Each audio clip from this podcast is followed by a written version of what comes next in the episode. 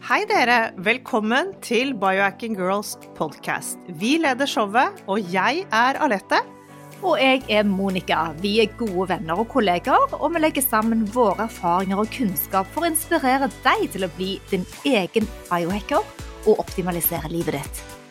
Vi følger med på ny forskning og trender, og stiller de spørsmålene vi mener er nødvendige. Ja, vi deler informasjon om biohacking, life coaching og fitness, og vi håper at du vil føle deg inspirert og klar til å ta et tak for å komme i den beste helsemessige form. Velkommen til Biohacking Girls podcast. Dette med HRV, hjertevariabilitet, synes vi er både komplisert og interessant. Da vi begynte med målinger både med Whoop og Aura, så var vel det kanskje det som vi ikke forsto helt i starten. Og vi har jo holdt på en del år nå for å lese disse tallene og se. Og vi hadde jo med oss lege Torkel Færø på podkasten for noen uker siden. Og han var jo òg gjestholdt foredrag på Biohacking Weekend og var blant de mest populære. Han er så utrolig god til å forklare hva HRV er. Ja, og han er rett rett og slett den første i Norge, som, og i hele verden, trodde han, som nå skal skrive bok om dette temaet. Og han dykker skikkelig ned i hjertevariabiliteten.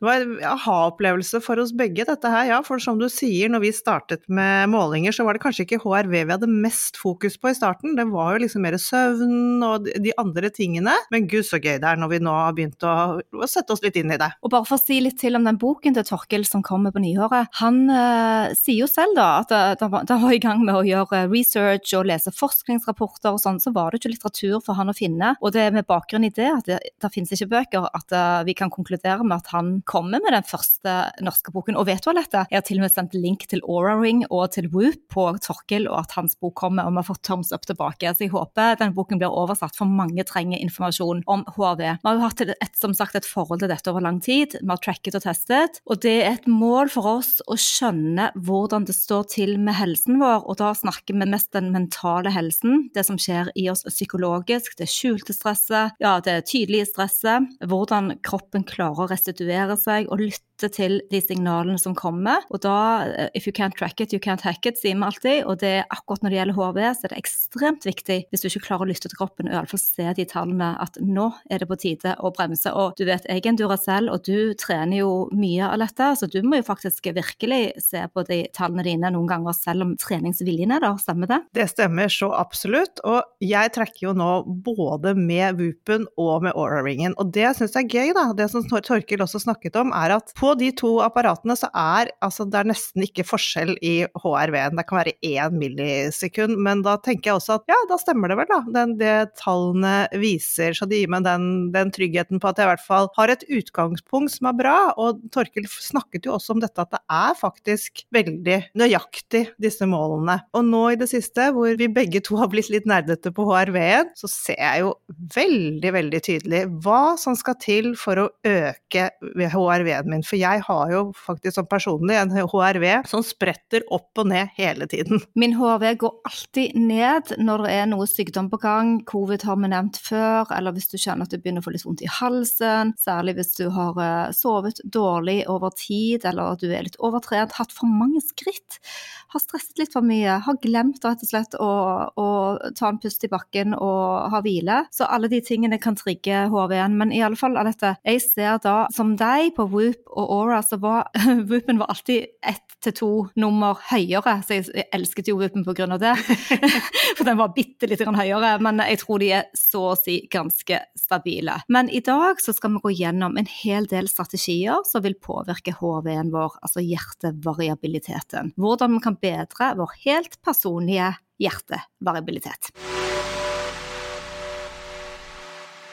Men la oss starte med hva HRV er. Hjerterativariabilitet er altså en pulsvariasjon. Mens hjertet stort sett slår som en jevn klokke, vil intervallene mellom hvert enkelt hjerteslag kunne variere. HRV er kort fortalt den tiden mellom hvert enkelt hjerteslag, og dette måler man i millisekunder. Begrepet har versert en stund, vi har hørt det på flere podcaster, vi har lest artikler, og vi får stadig nyhetsbrev fra både Whoop og Aura, som vi leser med stor interesse, men det er først i den seneste tiden at HRV har fått den oppmerksomheten vi mener den fortjener. Og dette kommer av at nå har vi måling av HRE, det har blitt mye mer tilgjengelig for de fleste, både med klokker, med Garmin og med ringer og bånd, som vi snakket om på armen, så kan vi måle dette enkelt. Men hvorfor er det så viktig å få se på disse målene i forhold til helsen vår? Jo, alt dette henger jo sammen med det sympatiske, dette fight or flight, og det parasympatiske, rest and digest på skikkelig engelsk her, nervesystemet vårt. Alt dette kontrolleres av ett område i hjernen som kalles hypotalamus. Hypotalamus sender signaler til kroppen om at vi enten skal roe ned, eller at vi skal stimulere. Og HRV-en bestemmer motstandsdyktigheten vår, altså hvor raskt er vi faktisk i stand til å skifte fra det sympatiske til det parasympatiske, og også omvendt. Og dette er det HRV-en måler, og er, viktig, er, en veldig viktig indikator. Ja, Når det gjelder nervesystemet, så er jo det liksom core energien vår i kroppen, og det er noe å adressere. Og det er jo ikke så lett å vite at nå skifter jeg fra parasympatisk til sympatisk. Eh, jeg tenker alltid på parasympatisk som en paraply som ligger over, som er den beskyttende, den roer ned, som beskytter oss mot det sympatiske hvor vi springer av gårde. Så den lille paraplyen kan hjelpe deg å huske hvis du eh, surrer litt med de begrepene der. Men eh, målet er jo da å ha en bedre helse, og vi kan ikke få en bedre helse ved å bare spise ren mat og putte inn på masse supplementer uten å tenke på den mentale helsen vår, på stressnivået vårt, på gamle traumer, på følelser, og alt dette vil eh, innvirke på HRV. Vi vil gjerne optimalisere. Vi skal da gå inn i en liten liste. Vi har lagd eh, ti gode biohacks eh, som vi har lyst til å snakke om i dag, som kan bidra til å øke HRV-en. Og vi får mange spørsmål om akkurat dette, og jeg er helt sikker på om et halvt år så vet vi enda mer. Altså, det er stadig utvikling og ny forskning, og heldigvis nye testgrupper. Så holdt jeg på å si, hold ut med oss, fordi at vi lærer nytt hele tiden, vi òg. Og ikke bare det, vi tester ut forskjellige ting som påvirker HV-en òg. Men uh, la oss starte med mat, for det er sunn og god og ren mat, men til riktig tid. Det er heller ingen overraskelse at dette gir bra næring for kroppen. Det, vi må tenke på timingen, fordi at når man spiser har veldig stor effekt på hjertet vårt og på stressnivået vårt. Kroppen fungerer best når den følger døgnrytmen vår. Det betyr at du skal spise mens det er lyst ute, og prøve å slutte før det blir mørkt, og kanskje tre til fire hele timer før leggetid. Så her, mange unge mennesker da, som òg eh, kanskje måler, men som har den der kvelden med Netflix og popkorn, og de får da litt lavere HRV fordi at de spiser sent. Og da kan man iallfall tenke, hvis vi skal snakke til ungdommen òg, at eh, prøv et par kvelder og se hva som skjer når du um, ikke spiser så sent. Kan være en endring. For meg så er det helt klart at hvis jeg spiser frokost uh, og lunsj og middag tidlig, så har jeg bedre score, høyere HV, enn hvis jeg hopper over frokosten og spiser lunsj og middag og gjerne litt kveldsmat. Så de tre-fire timene før leggetid, og jeg legger meg rundt ti hver dag, så da er det ganske greit å måle for min del. Hva med deg, Alette? Ja, det er veldig godt å ha den rutinen. Jeg liker når du sier jeg legger meg rundt ti hver kveld, fordi da er du allerede på en god start for å få en bra HRV. Jeg ser det med en gang, for jeg har det jo med å spise litt eh, rett oppi jeg skal legge meg, fordi jeg rett og slett legger meg litt tidlig. Og da merker jeg det veldig godt på min HRV. Det er faktisk det jeg ser størst utslag på. Fordi eh, et punkt her som jeg også er veldig interessert i, er jo selvfølgelig dette med trening. Der har jeg litt mer problemer med å finne ut av dette med HRV-en. Men studier viser at jevnlig trening, det vil selvfølgelig bedre HRV-en vår, det skjønner vi alle, at med bedre kondisjon og muskelmasse så blir det bedre. Men det er dette med balansen. For overtrening, det har absolutt den motsatte effekten. Så det er veldig viktig med balansen mellom trene og hvile. Så vi kan si det sånn at har du en høy HRV, så betyr det at du er mottakelig for en treningsøkt. Og har du lav HRV, så betyr det at du vil faktisk få lite ut av treningen. Så trening øker HRV, og du kan også bruke da denne HRV-en som en sånn liten indikator på hvordan du skal legge opp treningene. Så gå liksom begge veier, og det syns jeg er innmari spennende å følge med på. Dette med hydrering og vann, det har jeg faktisk lagt merke til etter jeg hadde lest en studie at det påvirker HRV-en. Fordi at noen ganger så er jeg ikke alltid like flink til å få i meg nok væske. Og hvis jeg starter dagen med å drikke vann, og når jeg starter dagen med den tonen der, så blir den med meg ut i dagen. Men hvis jeg bare går rett på kaffe en morgen og ikke har tid, så kjenner jeg at jeg drikker mer. Så hydrering har kjempestor effekt. Og Whoop da har gjort en liten brukerundersøkelse òg som viser at de som fikk i seg nok vann, for det her legger man inn antall kopper, hvor mye du drikker per dag, de økte HRV-en med tre millisekunder. Og jo mer vann du har i kroppen, jo lettere blir det for blodet å sirkulere og levere oksygen og næring til kroppen. Og pass på at du ikke drikker alt det vannet rett før du skal legge deg. Veldig godt tips. Hold, hold, opp med det rett før du skal legge deg. Det går utover søvnen igjen. Og så har vi jo dette med alkohol, og det er en skikkelig killer for HRV-en vår. Dette har jeg selv sett de gangene jeg drikker alkohol, og det behøver faktisk ikke å være veldig mye. Det kan være et glass, så ser man det. HRV-en vil droppe med 20-30 millisekunder, og dette varer gjerne over mange dager. Det tar lang tid før kroppen restituerer seg. Fire til fem dager kan det ta. Så dere skjønner tegningen. Drikker man da litt grann hver helg, så vil man jo hele tiden være i denne fellen med at HRV-en er lav. Og så motsatt, da. Hvis du holder deg unna alkohol, så vil det øke HRV-en. Så et lite hack her er da å teste hvor mange dager klarer du å ikke drikke alkohol. For vi mener at alkohol er en del av livsstilen vår, det er mange som syns det er koselig. Men klarer du noen ganger å tenke ja, fem-seks dager helt uten alkohol? For på slutten av den perioden da, dag fire-fem, da vil du få et mer realistisk bilde av HV, så du trenger ikke å bekymre deg så mye. For når den er lav, så er det årsak direkte til det du sier, dette, alkohol. Så test ut litt. Grann. Vær din egen holdt på å si, helsesmed, som jeg pleier å si. Circadian rhythm, altså døgnrytmen vår har stor innflytelse på hjertevariabiliteten. Det å få dagslys om morgenen, gjerne før den skjermen. Eh, nå er det mange som våkner med vekkerklokke, og til tider så gjør jeg det selv. Så da får du jo det lyset du skal skru av vekkerklokken, men det er best å se lyset på morgenen og eh, være ute i frisk luft. Alt dette vil trigge den biologiske prosessen som hjelper oss med en naturlig sove- og våkenklokke, altså den balansen vår. Og hormonbalansen vil eh, bli mer effektiv og du får mer energi. Så dette, både med klarhet og humør og en bedre vitamin D-produksjon, som igjen òg vil trigge glutation, vår master antioksidant, og alt dette jobber på natt mens du sover. Så døgnrytmen, vi kommer alltid tilbake til det. Når den blir jevnere, står opp og legge seg til hver, eh, eller bortimot eh, samme tid, med én times variabilitet, så vil det òg bidra til å øke HRV. Ja, dette med døgnrytme, det, det er altså virkelig et felt som jeg har dykket inn i. Jeg syns det er så spennende, og det er jo så naturlig.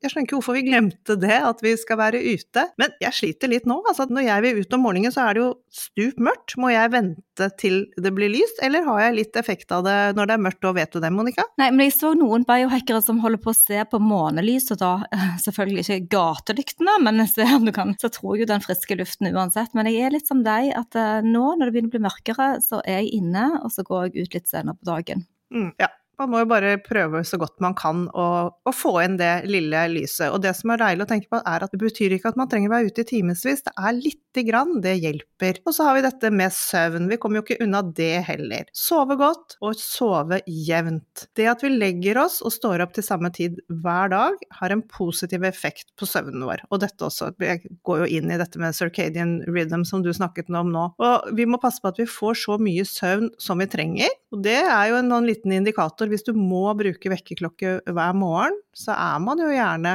kanskje litt på underskudd. Kanskje da prøve å legge seg litt tidligere. Eh, og så får du den søvnen du trenger, så vil dette booste HRV-en din. Det ser jeg veldig godt. Fordi når vi følger døgnrytmen, så vil også rem-søvnen vår og den dype søvnen vår det vil også bli påvirket veldig positivt gjennom det. Ja, og du er en skikkelig morgenfugl. Du våkner deg sjøl gjerne rundt fem av dette. Jeg har mer en naturlig klokke rundt seks-halv syv, som jeg har fått etter hvert. Og for dere der hjemme nå som hører på oss, det er ikke et mål å bli som oss. fordi at uh, vi skal ikke stresse inn masse morgenrutiner og ting på morgenkvisten som gjør at uh, åh, jeg setter klokken på, så går du rundt med et etterskudd av søvn. Så, så hele tiden tilbake til det som føles naturlig. En annen ting er dette med kuldeeksponering. Jeg likte veldig godt at Torkil Torkil sa, Torkil Færø, legen, sa dette eh, som en av de bidragene til å øke HV. En kald dusj, det trenger ikke være iskaldt engang, og middels temperatur på badekaret hvis du setter deg nedi der og holder ut noen minutter. Men enten om du velger isbading da, eller en kald dusj, eller om du velger litt mer ekstreme varianter som kryoterapi, alt dette stimulerer vagusnerven, som vi da vet har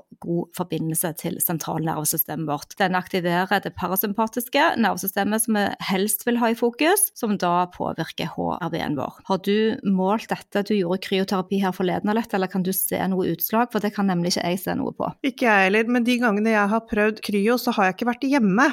Da har jeg vært og besøkt Bergen, for det er der jeg tester det. Og da er det jo disse andre faktorene som spiller inn. Da sover jeg lite, da er det sene middager. Så jeg kan faktisk heller ikke si at jeg har uh, merket noe forskjell uh, i HRV-en min. Men det kan jo da være andre faktorer også, ikke sant, inni dette her. Men det som jeg faktisk ser, er at hvis jeg driver med pusteøvelser, sånne pranayama-øvelser, det roer ned. Alle har vel kjent på det der å sitte stille og roe seg ned. Der kan jeg se det godt. Når er det du gjør det, Alette? Det gjør jeg om morgenen ja. når jeg står opp. Det er noe av det første jeg gjør faktisk om morgenen. Og studier viser at eh, rolig og kontrollert pust det har en positiv effekt på HRV-en. Og det er jo også fordi pusteøvelsene det senker stressnivået vårt, og det er jo alltid veldig bra. Og det er veldig fint å bruke disse pusteøvelsene sånn utover dagen hvis man kjenner Hvis du klarer da å kjenne på dette stressnivået som kan, kan bygge seg opp, hvis du da greier å dra deg litt ut av det, sette deg ned. Det var veldig gøy når vi gjorde, prøvde å få Torkel til å gjøre det på direkten i podkasten podkasten. Han bare sa nei, dette funker ikke. nei, ja, igjen, stress er jo en, en dårlig idé for HRV, HRV-en vår. Det er jo dette som går igjen hele tiden. Det er jo det vi snakker om. Ja, det niende biohekset vi skal snakke om i dag i forhold til å øke HRV-en, er òg en stressenker, og det er nettopp det som handler om journaling. Og den kan være akkurat det du vil, om det er i forhold til takknemlighet, i forhold til å skrive ned alt du har gjort, i forhold til å skrive ned alle målingene dine, kanskje drømmer og lengsler. Det å skrive ned hva vi er for, eller hva vi har på hjertet, har en effekt, har det vist seg, i studier på HRV, fordi man tømmer på en måte den emosjonelle banken litt. Disse tingene vil da senke blodtrykket og minske stress. Så ja takk, vi skriver hver eneste dag. Litt variert hva innholdet er i denne skrivingen. Og noen ganger som jeg har vært bortreist et par dager og ikke tatt med den store blokken av en bok jeg har fått av Dialette. Så da må jeg skrive når jeg kommer hjem. Men stort sett det å skrive, det tar et halvt minutt eller ett minutt? Ja, det er eh, det, det, er noe jeg virkelig ikke har eh, snakket Nei, ikke har gjort noe særlig. Jeg er blitt veldig inspirert av deg med den journalingen. Det er, eh, det er så deilig å få ryddet opp så det må vi bare holde på med. Tiende punktet vårt, og siste, det har med mindfulness og meditasjon å gjøre. Og det går jo på litt av det samme som dette med pusting og journaling. Det vil redusere stresset hos oss. Det som er litt kult, at det er faktisk ikke så veldig mye som skal til. For vi tenker å gud, herregud, skal jeg holde på med dette her hver dag, dette var mye å holde på med. Men nei da, det ser faktisk ut til at ett minutt med mindfulness eller meditasjon om dagen vil ha en gunstig effekt effekt på din HRV. Det kan man få til. Men ok, dette er mye, det er mange ting vi kommer med og sånne ting, og ikke bli overveldet, og ikke prøv, som du snakket om før, som jeg syns er veldig viktig å repetere, ikke prøv å kopiere oss, men prøv å ha det litt gøy med det. Test litt. Hvis du, hvis du er eh, en biohacker og har lyst til å komme litt inn i dette med HRV-en, test selv, for det er jo ikke alt som funker på alle. Veldig godt poeng, Alette. Og jeg tenker at nå er det november. Eh, vi går eh, mot jul, vi har mye stress stress og mye ting som henger over skuldrene våre. Og jeg har iallfall tenkt å ta det tipset til Torkel Færø, som da han sier det, så være ute og jakte på bilder og jakte på øyeblikk. Jeg har tenkt å være ganske mye ute og sanke mose og litt løv, litt blader og litt bark, for jeg liker å lage sånne juledekorasjoner. Har du ikke begynt allerede? Ja, jeg har bare plukket litt, men mosen er ikke helt klar ennå, så jeg holder på å samle. Jeg kan ikke ha julepynt i huset for lenge heller, men jeg har lyst til å være ute og gjøre det flere ganger, fordi at tilbake til det han Torkel Færø Færø sa, da, at eh, når man er på jakt etter noe, når du leter etter noe så du ikke egentlig vet hva du skal finne, det er som å dra på en sopptur, eller for min del som plukker mye skjell på stranden, så skjer det noe som trigger det parasympatiske nervesystemet vårt, og som kommer i en sånn is, sånn deilig eh, stemning. Og jeg må si at jeg kan bare ikke være ute nok, og jeg lengter liksom ut i skog og mark, og om det er på øyene eller ute langs vannet eller oppe i skogen, bare kle på oss og komme ut. Og nå er du så heldig, Alette, som eh, skal til Hawaii, så du kan kanskje sanke julen på en annen måte der? Det kan jeg prøve på, vet du. Derfor har jeg vært mye ute. Men jeg må bare si, Monica, jeg ser deg hele tiden for meg på den stranden hvor du bøyer deg ned og plukker disse scenene. Det er så nydelig. Du er en sånn skikkelig utedame. Det er utrolig inspirerende, for jeg har faktisk alltid vært en innegris, men jeg prøver å snu. Men du, du vet at på Hawaii så finnes det de Jeg har jo vært der og samlet masse fine skjell, det er det ene. Men det er òg en sånn liten um, Forskjellige steder rundt på de øyene så er det jo da sånn sea glass-strender. Uh, så du må prøve å google litt og ta en tur. Om du ikke skal bruke det selv, så ta med en hel haug, så skal vi lage et lite verksted. Så skal du se at det skjer noe med hårveden din etter det òg. Ja, ikke sant. Kanskje det. Det skal jeg absolutt gjøre. Jeg, jeg, jeg, jeg skal se litt mer nedover på stranden. Herlig. Da håper vi at dere fikk litt inspirasjon på hårved. Kanskje du har lyst til å teste ut én ting eller to ting av de punktene vi kom eh, med gjennom denne episoden, og se først om eh, det har innvirkning. For hvis man tar for mange ting samtidig, så vet man ikke virker. Men du kan gjerne teste én eller to, og så måle og måle noen uker. Og så hvis ikke det funker, så går du videre til neste punkt på listen. Helt, helt klart. Ikke for mye av gangen, og litt sånn systematisk. Det er veldig, veldig viktig. Dere blir inspirert av dette, og ikke bare tenker at det er for mye. Og selv om du ikke trekker og ikke har måleapparatene, så gjør det likevel, for det vil virke på helsen. Vi skal legge litt uh, artikler og kilder under, så du kan uh, lese mer hvis du er interessert. Og så gleder vi oss veldig til boken til Torkel Færre kommer, og han skal tilbake på podkasten snart. Det skal han. Happy biohacking!